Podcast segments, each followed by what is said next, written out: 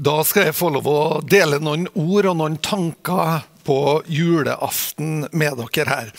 Og nå har vi jo allerede hørt eh, juleevangeliet, lest av Hanna.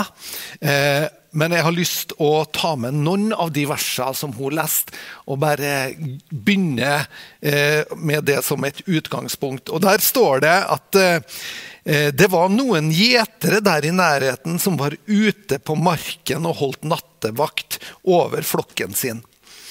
Med ett sto en Herrens engel foran dem og sa til dem, frykt ikke. Se, jeg forkynner dere en stor glede for hele folket. I dag er det født dere en frelser i Davids by. Han er Messias, Herren. Og dette skal dere ha til tegn. Dere skal finne et barn som er svøpt og som ligger i en krybbe.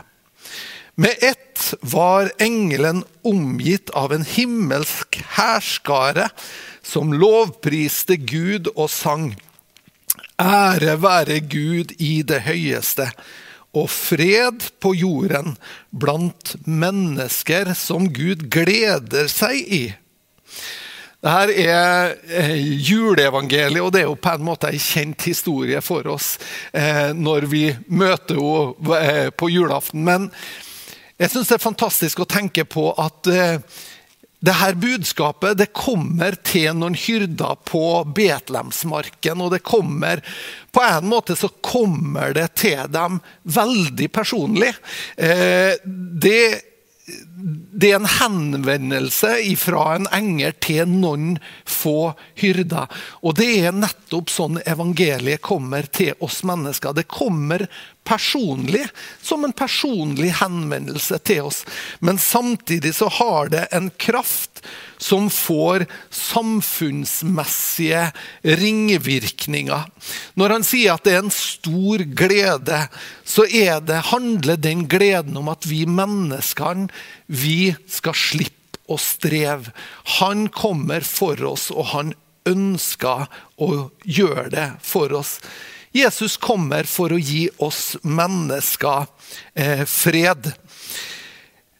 Det største underet forbundet med hva som skjer i jula, det er faktisk det underet som skjer når hver enkelt av oss gjør denne store historien til en del av vårt liv.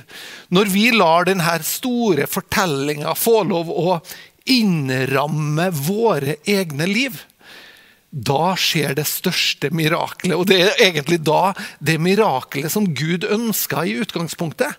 Det er det som skjer når du og jeg våger å gjøre denne historien til vår. Som mennesker så er vi skapt til fellesskap. Vi har eh, ei dame som er forsker, som heter Brené Brown. og Hun har forska på hva som gjør mennesker lykkelige, eller hva er det som gjør at mennesker opplever lykke. Og Det hun har funnet ut eh, av sin forskning, det er nettopp det at eh, vi mennesker vi er skrudd i hop for å oppleve eller leve i fellesskap og oppleve kjærlighet. Det er ganske nydelig å tenke på når vi forstår det allerede i de første sidene i Det gamle testamentet. Så ser vi det at vi mennesker vi skapes i Guds bilde.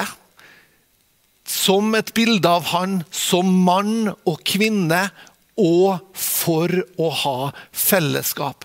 Og Det er nettopp det her fellesskapet vi inviteres inn til. Når han åpner livet for oss, så åpner han også muligheten vår for å ha fellesskap med han. På en måte så kan vi jo si at fellesskapet ble brutt i Edens hage også. Eh, når mennesker vendte seg bort fra Gud og gikk sin egen vei, så, så blir det fellesskapet som han ønsker med oss brutt. Men så skjønner vi også at det samme fellesskapet gjenopprettes ved Jesus. Og det var derfor han kom. Det som er litt nydelig med denne historien, det er jo på en måte at han kommer for deg og meg. Men samtidig så handler det ikke om deg og meg.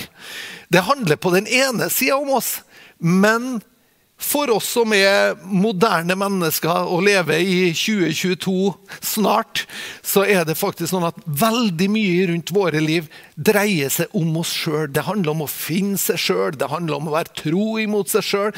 Det handler om liksom å, å, å, oppfylle sin egen drøm. Det er så mange ting som vi tenker at det handler om meg.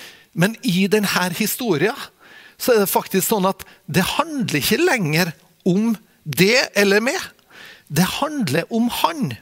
Det handler om at i vårt nye univers, i mitt nye univers, så er det ikke sånn at jeg er sentrum og midtpunkt lenger.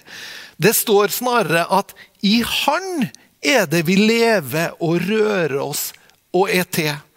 Og det står også at eh, alle ting er skapt av Han og til Han og for Han. Uten han er ingenting blitt til av alt det som er til. Derfor er det faktisk sånn at det nye livet har eh, bydd på et regimeskifte i mitt liv. Og det vil det gjøre i hver ens liv som vil gjøre Jesus til herre. Det betyr at jeg flytter meg fra sentrum og så sier jeg at du skal få den plassen.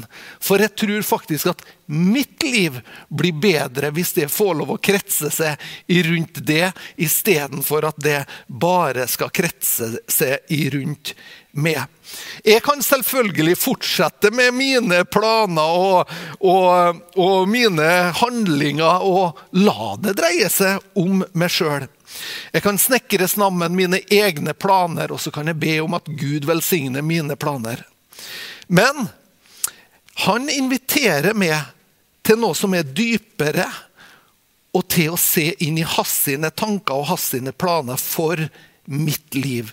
At jeg kan la Hassin arbeidsinstruks bli mitt liv, bli det som leder meg. Og hva da med mitt ønske om å realisere meg sjøl? Bibelen sier faktisk det at den som mister sitt liv, han finner det.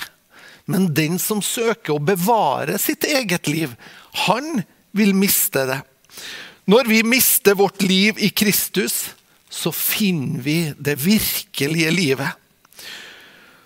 Og Mange ganger tror jeg at vi er så religiøse i våre tanker at vi tenker at Guds tanker om oss dem er små. Det kan ikke finnes noe spennende og morsomt der.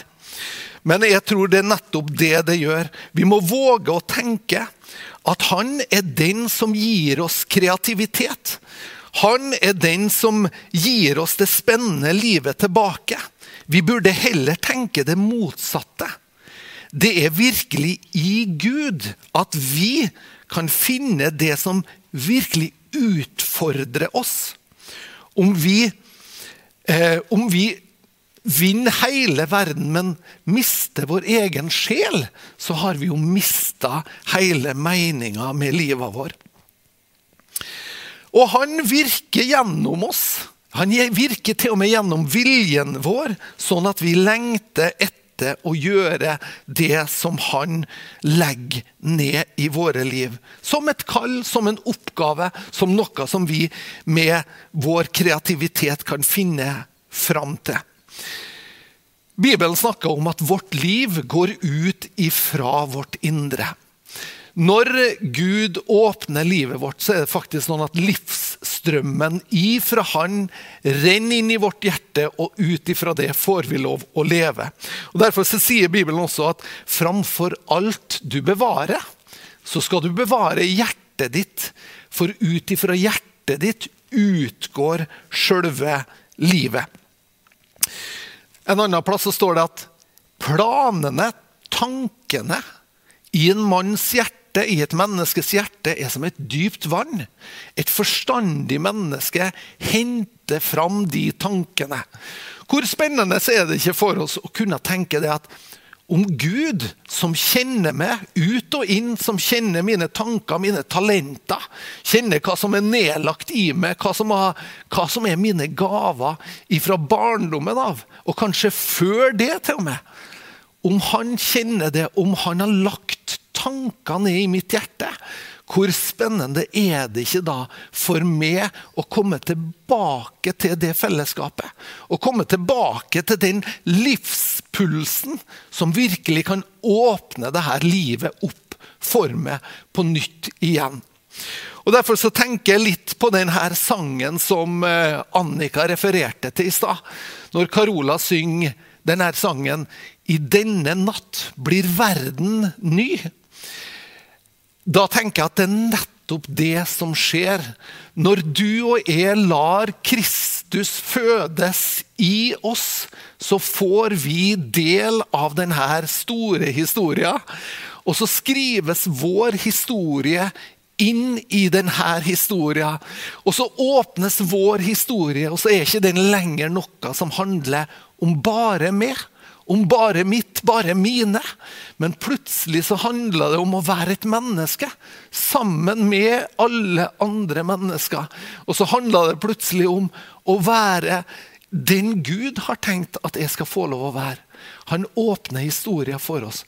Vi inviteres inn, like selvfølgelig som hyrdene på marka som blir invitert inn i ei stor historie, så inviteres du og jeg til å ta del av den samme historien.